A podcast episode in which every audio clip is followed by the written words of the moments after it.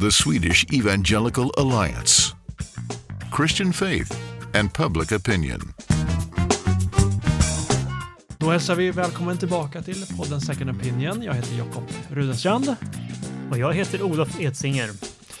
Det har ju gått ett lite grann en månad sedan förra avsnittet, så vi ber om ursäkt att vi eh, lite sena när det gäller släppet av det här avsnittet. Ja, och andra sidan har det hänt väldigt mycket. Vi tänkte tala lite grann om det här med religionsfrihetsfrågorna.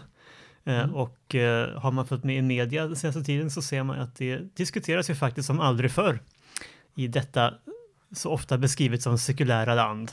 Mm. Eh, och för oss på SEA är det här extra angeläget och naturligt utifrån att du Jakob har skrivit en bok på temat. Ja, precis, det, det har jag. första frågan till dig egentligen Olof, har du läst den? eh, alltså jag läste den ju i en tidigare version, så att Just eh, absolut. Just det, du var ju med och hjälpte till att eh, putsa på språket och, och så. Det, jag är väldigt tacksam att du, att du gjorde det med tanke på att du har ju lite mer böcker eh, under bältet.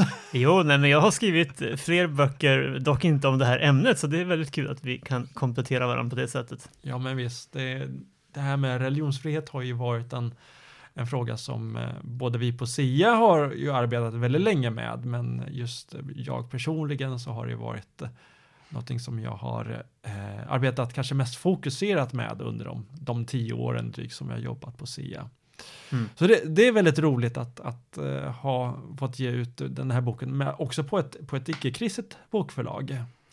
Absolut, och det här är ju en mänsklig rättighet och vi berömmer oss ju i Sverige av att vara så bra på just de mänskliga rättigheterna. Men eh, samtidigt så vet vi att just religionsfriheten den behandlas väl kan man säga lite styvmoderligt eh, i det svenska offentliga livet i alla fall. Ja, det kan man, det kan man verkligen eh, säga med, med tanke på att vi i Sverige har en ganska så kort historia när det gäller religionsfrihet. Det var ju knappt, eh, ja det var ju bara för 70 år sedan i år som vi fick lagstadgad religionsfrihet eh, med ja. rätten att kliva ur Svenska kyrkan och utan att behöva gå in i ett annat eh, trossamfund eh, som var registrerat eller godkänt. Och eh, vi behövde heller inte vara medlemmar i Svenska kyrkan för att inneha eh, statsrådsarbete. Ja.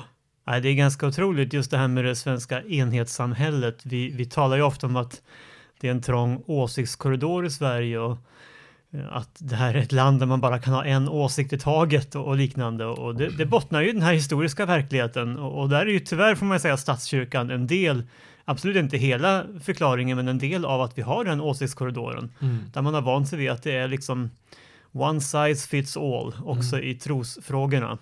Eh, och det är ärligt talat lite pinsamt, särskilt för oss som, som jag, menar, jag själv har ju ena benet i väckelserörelsen och andra benet i Svenska kyrkan, men när vi ser vår historia där, hur, mm. hur särskilt väckelserörelsen har behandlats. Samtidigt som vi då kan se rent idéhistoriskt att, att väckelserörelsen har bidragit oerhört mycket till det moderna Sverige, både i demokratifrågor och religionsfrihetsfrågor. Mm.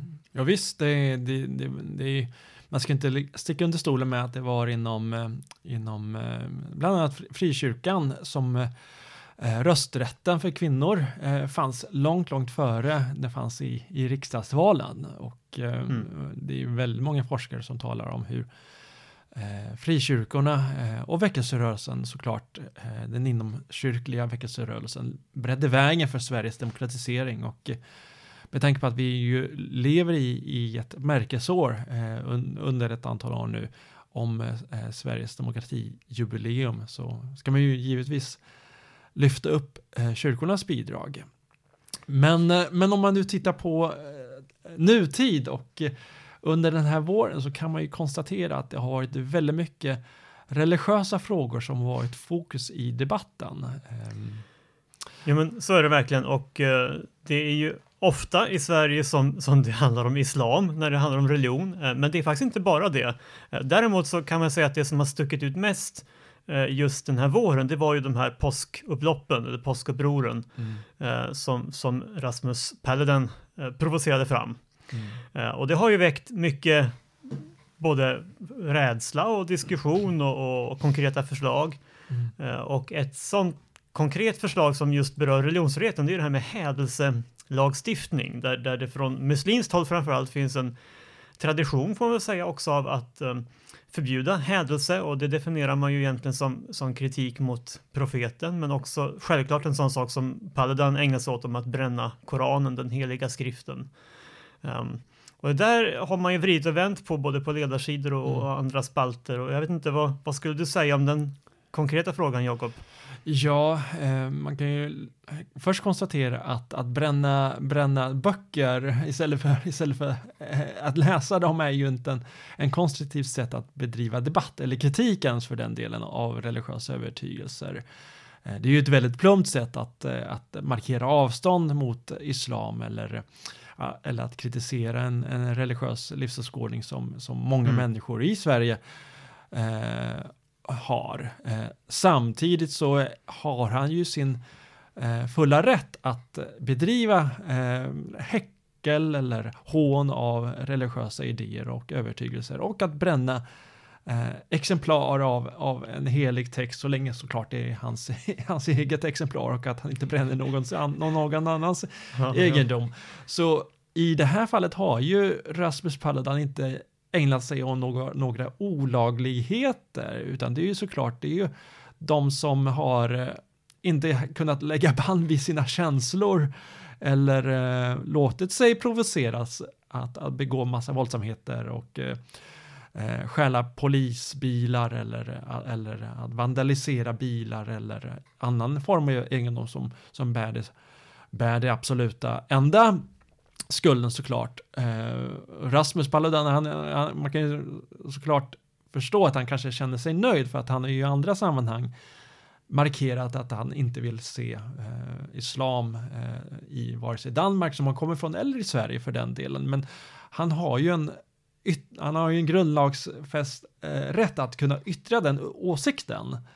Eh, samtidigt så finns ju mera kreativa sätt att, att bemöta honom på. Jag hade ju snarare sett, vilja se eh, muslimska ledare eh, säga att nej men vi, vi vill bjuda in dig Rasmus Paludan på en, på en debatt eller en, en, en diskussion kring, kring islam i, i, i, Sverige eller Koranen istället för att eh, markera olika former av avstånd. Mm. Och, jag, och jag har ju sett också i i vissa uttalanden från olika religiösa råd där man, eh, eh, där, där man beskrivit eh, liksom det han gör som attacker på, på muslimer och, eller attacker i, i, i eh, någon form av samma nivå som de som bedriver de här våldsamheterna. Och det gör, i mina ögon så gör ju inte det eh, debatten så mycket bättre för att eh, om på, för på så sätt så relativiserar man ju eh, de våldsamheterna som faktiskt har ägt rum, de människorna som har skadats, de över hundra poliserna som har skadats mm. och mm.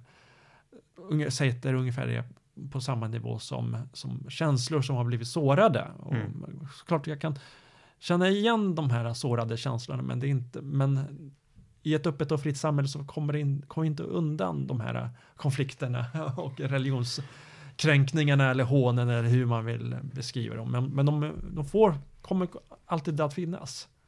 Jo, nej men precis. Det mest omtalade uttalandet kring just den här frågan, det har ju varit Ebba Busch. Eh, men jag tänker vi ska inte gå in eh, på, på, den frågan här och nu. Det har varit tillräckligt avhandlat i, i medierna. Däremot så har ju naturligtvis många noterat att eh, den här typen av upplopp eller liknande är ju väldigt sällan utifrån andra religioner eh, i, i vårt land i alla fall och, och tittar man globalt så är det ju inte så att den kristna kyrkan är känd för sådana här reaktioner ens på, på just eh, angrepp. Jag menar, vi, vi kan naturligtvis nämna många exempel på, på det man kan definiera som hädelse mot den kristna tron. Ja, men eh, Allt ifrån eh, humorgrupper till, ja. till annat som, som man kan ha mycket synpunkter på. Men, men vi brukar inte reagera med, med stenkastning och liknande. Däremot så har det ju funnits en fundering på vissa kultursidor och liknande om om man ska vara då lite extra tillmötesgående just mot islam, just för att som sagt, kristna mm. brukar inte bråka på det här sättet, men, men eftersom det finns en sån tradition i islam borde man ha en särlagstiftning eller särskilda hänsyn just till muslimer. Mm. Vad tänker du där Jakob? ja, Eh, det är ju, eh, i mina ögon så är det ju lite grann att börja att försöka att ta tag i problemet på, i fel ände. Eh, det handlar ju inte så mycket om att eh, om att eh, värdera eh, ett, ett, ett öppet och fritt samhälle för en viss religiös grupp, utan det handlar ju snarare om att hjälpa människor i den här gruppen att förstå vad yttrande och religionsfrihet innebär.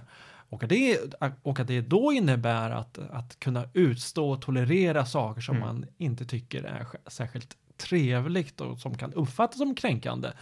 Ehm, jag noterar att, eh, alltså du, du, du nämnde ju att, att i många kristna i många sammanhang så utsätts ju kristna för, för hån och, och, och, eh, och kritik och eh, om man nu eh, säger att det handlar om människor som kommer från en viss kultur som kanske inte är vana vid den här ehm, eh, de, de, de, de här eh, friktionen och konflikterna som kan uppstå så är det ju lite grann att å ena sidan ha en väldigt låg eh, låga förväntningars rasism som man brukar tala om att nej, men de här människorna klarar inte av ett, ett mm. eh, yttrandefrihet och att det finns eh, förolämpningar av religion. Och två, det finns ju väldigt många kristna från Mellanöstern, från muslimska länder som reagerar väldigt starkt på när eh, till exempel när SVT sände ett humorklipp med en känd komiker som hade ett krucifix framför sitt könsorgan. De, de protesterade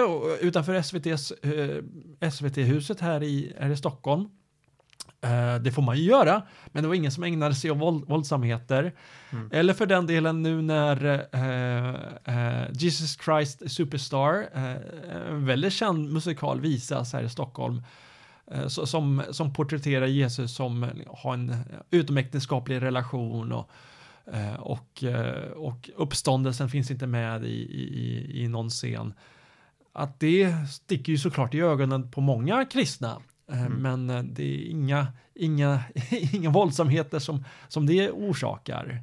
Och att ge olika former av särlagstiftningar på grund av att man är en en grupp som kanske man ömmar för eller för en grupp som som, som, kanske, in, som kanske agerar, det finns element inom den här gruppen som kanske agerar våldsamt, eh, är såklart att man eh, är såklart väldigt, väldigt djupt problematiskt om mm. man nu säger att nej men det här, nu förbjuder vi bokbränning som en professor Bo Rothstein vill, vill införa och även Jonas Gardell, eh, hör och häpna, vill införa så finns ju andra tabun som, som människor i den här gruppen inte klarar av att se. Eh, man kan göra massa andra saker med mm. exemplar av Koranen än att bara bränna det som kan uppfattas som, som, som väldigt kränkande. Absolut. Nej, men jag, eh. jag är ju på samma linje att jag tror att det blir ett, ett sluttande plan.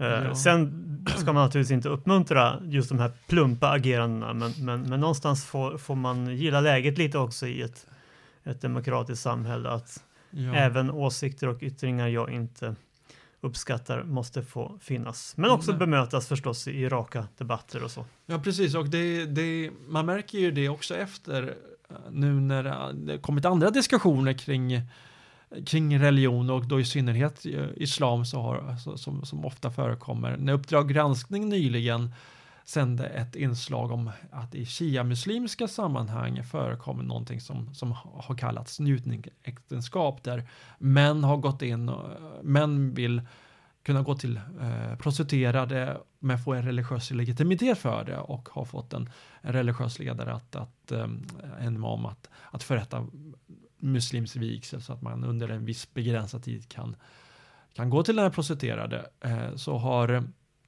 eh, Sverigedemokraternas eh, Richard Jomshof eh, beskrivit ja, men, islam som en, liksom en avart till religion och, eh, och att detta i sin tur också har skapat väldigt många reaktioner från, från annat håll.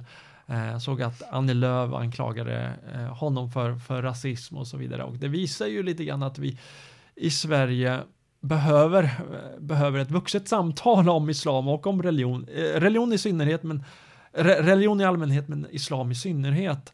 Där eh, man givetvis får eh, säga så här plumpa uttalanden men samtidigt behövs ju en större distinktion när det gäller eh, gäller eh, muslimska uttryck och uttryck som finns inom eh, muslimska grupper som mm. våra folkvalda tyvärr inte är världsbäst på. Nej men precis, och ett annat område där, där man skulle önska lite mer nyanser det är ju ett utspel som kommer då från just regeringen eh, när det gäller att förbjuda eh, eller etableringsstopp talar man ju om för konfessionella friskolor. Mm. Um, och um, frågan har varit uppe tidigare och det är ju särskilt Socialdemokraterna som har drivit på kring det. Man bedömer väl att man kan vinna röster på det också. Mm. Det, har ju varit, det var ju liksom ett, en valfråga förra valet att eh, till och med LOs dåvarande ordförande gick ut och sa att vi ska inte låta våra barn indoktrineras av sina föräldrar. Han blev ju som tack för barn. det blev han ju minister i nya regeringen då så att det, det lyckades ju ganska bra kan man väl säga. Just det. det som är intressant är ju att eh, många av remisserna är ju faktiskt väldigt kritiska, inklusive mm. diskrimineringsombudsmannen. Mm. Verkligen. Och även det nuvarande, eller det nystartade institutet för, eh, för mänskliga rättigheter. Det är så många, eh, inte minst borgerliga opinionsbildare, skulle, trodde skulle bli lite grann av en identitetspolitisk myndighetskoloss som skulle varna för eh, högerpopulismen. Men, men nu varnar, varnar, det var ju Anders Kompassov som, som är chef där nu som varnade för just det här förbudet av konfessionella mm. friskolor. Nej, och det stryker igen en gång under det vi har sagt många gånger, nämligen att de här internationella konventionerna har vi faktiskt förbundit oss till och, mm. och, tittar man på det, om inte annat rent juridiskt, så, så kommer vi inte ifrån dem och eh, det hör ju till saken då att just etablering av, av friskolor, det, det berör ju flera rättigheter. Det är ju både näringsfrihet och, och, och, och synen på, på skola och ytterst sett då föräldrarnas rätt att, att kunna välja mm. skola till sina barn. Och det, jag läst, vi har ju lämnat in en, en, en remiss från Svenska Evangeliska Alliansen också. Och eh, det var väldigt intressant att läsa själva promemorian som, eh, som, som kom nu i våras. Och att det första, eh, första skälet som man anger för att förbjuda eh, nystartade konfessionella friskolor är att Sverige har utvecklats till en sekulär stat. Mm. Och det i sig är ju egentligen ingen, det är ju en, en, en, en ren deskriptiv eh, en beskrivning av den sakernas tillstånd. Ja, men givetvis håller de flesta med om att, att religionen spelar mindre roll i, i Sverige och att såklart staten ska förhålla sig neutral till, till eh, det religiösa livet. Men det innebär ju inte i sin tur att, att fristående skolaktörer, såklart, så länge vi har eh, friskolor i Sverige, eh, ska förhålla sig, behöver förhålla sig neutral på samma sätt till, eh, till olika religiösa livsåskådningar. Eh, det finns ju, det finns på sam, motsvarande sätt finns inom man, många skolor att man får eh, ägna sig åt yoga eller man talar om ett med könsneutralt språk om om pojkar och flickor och så vidare. Och det är ju i sig också uttryck för en viss konvention, en bekännelse. Mm. Pratar om alla människors lika värde, det är en bekännelse. Men, eh, men här, av alla liksom frågor som kan vara ett problem eller utmaning när det gäller skolor i Sverige så, så, eh, så sätter man en måltavla på drygt 70 eh, fristående skolor med eh, religiös profil. Men jag tror att det står för att i Sverige är vi ganska dåliga på ovana vid att resonera principiellt. Mm. Eh, vi har mycket kanske mer känslomässiga reaktioner också på högsta politiska nivå. Mm. Eh, och i det här fallet är det ju än en gång i första hand eh, vissa muslimska skolor man vill sätta dit så att säga. Mm. Men det hör ju till saken att en del av de skolor där man har haft stora problem också med ekonomisk brottslighet och liknande har ju inte ens varit registrerade som konfessionella friskolor. Mm, så att det, det det finns ganska många skäl att tro att, att en sån här lagstiftning både bryter mot konventioner och faktiskt inte ens åtgärdar problemet nödvändigtvis som man har sagt att man ska åtgärda. Nej, precis, för att det är det som är, eh, jag tror många tycker det är lite märkligt att, att, eh, att vi har ett system i Sverige där man inte behöver registrera eh, en fristående skolas konfession. Alltså att vi har friskolor som är konfessionslösa, men så har vi också konfessionella friskolor som, eh, som innefattar judiska, kristna och eh, muslimska. De flesta av de konfessionella friskolorna är, är eh, just kristna. Men bland de icke-konfessionella friskolorna så finns det många bland de muslimska skolorna som har varit problemskolor mm som, eh, som finns där men som inte har alltså haft, eh, haft sig registrerade som, som konfessionella. Så det är ju eh, när, när man säger att man vill förbjuda religiösa friskolor eller konfessionella friskolor så löser det egentligen inte ett problem för att de här skolorna kan i sin tur, när, det, när förbudet, om förbudet slår till, avregistrera sin konfessionalitet. Precis. Sen fanns det väl också med någonstans ett förslag att, att man kanske skulle tvinga skolor att, att registrera och det kan jag väl personligen tycka är inte helt orimligt då. Just att ha en slags tydlig varudeklaration. Mm. Men, men som sagt, det finns ganska många eh, argumentationslinjer här som, som är dåligt underbyggda och, och, och, en av de som ofta återkommer är det här med, med just segregation och, mm. och liknande. Och där finns det ju andra undersökningar som visar att många av de religiösa friskolorna är faktiskt väldigt bra på att integrera mm. eh, både kanske olika religiösa grupper men också olika samhällsklasser och liknande på ett sätt som många kommunala skolor inte gör. Mm, mm. Så det finns många bottnar i det. Men, men, bara för att hinna med någon sak till ja. så, så, har vi också haft en process nu under några år med olika nedslag i en demokratiutredning som också har presenterats precis här i dagarna. Mm, jag vet inte om, om eh, vi, vi, har ju varit med och skrivit remisser även där. Ja, det har, varit, det har ju varit en process som har varit väldigt lång tid, alltså ända sedan, jag tror det var 2015 eller 2016 som Eh, de flesta eh, riksdagens partier kom överens om att eh, i alla fall eh, göra någon form av översyn på statens stöd till i alla fall trossamfund men sen också det, det, större civila samhället. Och det har ju resulterat i en utredning om, om statens stöd till trossamfundet som eh, Ulf Bjereld, eh, professor eh, och dåvarande ordförande för, för tros, Socialdemokrater för trossolidaritet, eh, skrev. Det har kommit en, eh, en demokrativillkorsutredning som har gällt för all form av offentligt stöd till det civila samhället som också inkluderar kyrkor och trossamfund. Och sen har eh, man gjort liksom andra utredningar och, och då har det le, liksom legat i långbänk eh, ett tag mm. nu och nu häromdagen så kom beskedet om att man lämnar ett förslag från kulturdepartementet eh, om eh, demokratikriterier eller demokrativillkor. Och vi har ju på SIAs sida så har vi ju följt den här frågan en, en, en längre tid och noterat vissa skrivningar som eh, riskerar att tolkas som att det blir eh, eh det blir svårare för eh, alltså vissa trossamfund och kyrkor att, att eh, att eh, predika utifrån till exempel en klassisk kristen livssyn, sexualetik. Eh, givetvis så vill ju, vill ju alla, de flesta samfunden håller ju med om att det behövs någon form av markering mot extremism och våldsbejakande budskap.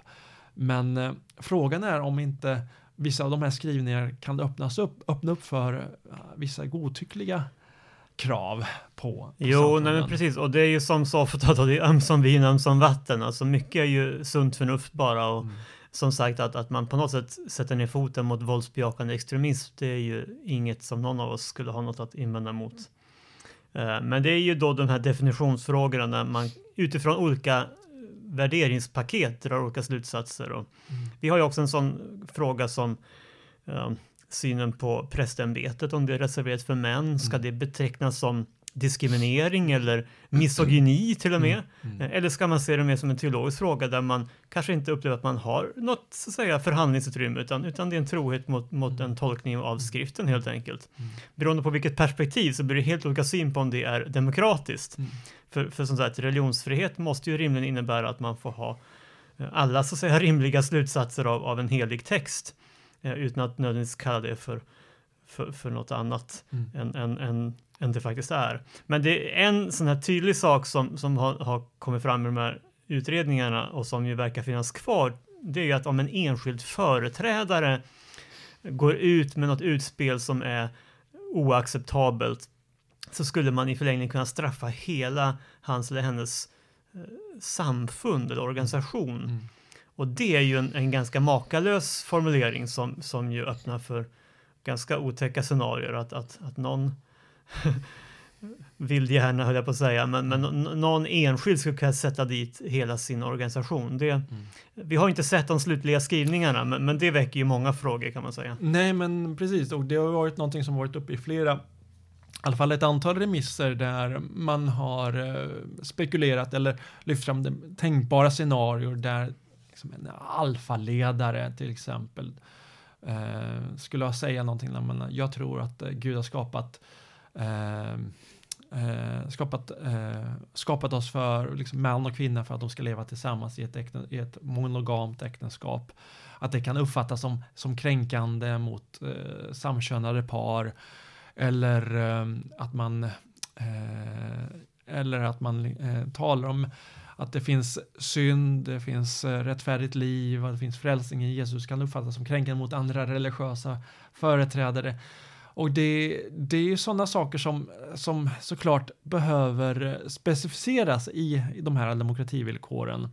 Jag vet ju att i en, i en av de här utredningarna så har man ju även haft framme eh, att det finns organisationer i Sverige som ifrågasätter Eh, kvinnors rättigheter till exempel, eller, eller rättigheter till sin kropp och då nämnt eh, kritik mot aborter som, som, som, som ett exempel. Och då skulle det innebära att, att, alltså, att i praktiken hela katolska kyrkan i Sverige skulle ses som eh, eh, så, så, så, som ett icke godtagbart samfund om de skulle undervisa i, den, mm. i, i de perspektiven. Så det finns ju alla de här frågorna som fortfarande behöver besvaras. Eh, kommer det finnas möjlighet att, att undervisa i, i de här heta frågorna utifrån ett kristet perspektiv? Eller vill man, uh, vill man påtvinga någon form av lik, progressiv likriktning i, bland samfunden? Och vi vet ju att sådana här lagstiftningsåtgärder och bidragsåtgärder kan också ha en viss normerande effekt. Eh, mm. Och, det, eh, och du nämnde ju såklart den här om en, om en representant uttalar sig kontroversiellt. Det förekommer ju inte i, i andra sammanhang, till exempel om en enskild journalist på en stor tidning skulle uttrycka sig kontroversiellt så blir ju inte den tidningen av med pressstödet. Och vi har ju även ministrar i vår egen regering nu som, som kan uttrycka sig ganska så kontroversiellt och ganska så eh, skandalöst på Twitter, men vi vet ju att deras parti blir inte av med sina partistöd för den delen. Mm, nej då. Ja, nej, men man kan väl vara, vara säker på, på, några saker och det ena är ju att religionsfrihetsfrågorna, de eh, de är vi inte klara med nej, i nej. vårt samhälle heller. Eh, snarare tvärtom, det, det, här kräver ju ganska djupgående analyser både teologiskt och, och filosofiskt. Eh, och det är ganska intressant som en avslutning så, så nämns det ju ibland, kanske särskilt från sekulärhumanistiskt håll, att, att det här med religionsfrihet, det, det borde vara passé, det räcker med yttrandefrihet och liknande. Uh, och uh, dels tänker jag att alla de här frågorna visar att, att religion är ju uppenbarligen högaktuellt. Uh, och, och, och, där kan man också säga så här att tittar man ut över vår värld så frågar man människor vad är viktigast i ditt liv? Mm. Så det är väldigt stor del av världens befolkning som skulle säga det är min religion. Men man kan också se ut över hela vår värld att vad blir du förföljd för, trakasserad för? Även där är det tyvärr får man ju säga väldigt många som skulle säga jo men det är min religion som gör att jag blir förföljd och trakasserad och det gäller ju faktiskt i, i särskilt hög grad eh, kristna bekännare. Men i till exempel Indien så är den muslimska stora minoriteten också hårt ansatt. Mm. Uh, och jag tänker de två exemplen illustrerar ju att uh, religionsfrihetsfrågan är verkligen en, en unik och viktig rättighet. Mm. Um, och uh, om vi trodde att vi kunde plocka bort den ur ekvationen här i Sverige så, så tänker jag att de här senaste åren och månaderna illustrerar motsatsen. Eller vad säger du Jakob? Ja men visst, så är det. Um, och det, det, det, det, var ju väldigt eh, vältajmat om man nu får, för jag tycker det är så att vi har kunnat skicka iväg eh, min, min bok till hela riksdagen precis efter påsk, eh, efter de här eh, våldsamma händelserna som, som, som, som har ju nu omdebatterats liksom debatteras och diskuteras och så vi, vi hoppas att det blir en, liksom ett, en, en språngbräda för ett vuxet samtal bland riksdagsledamöterna när det gäller eh, eh religionsfriheten i Sverige.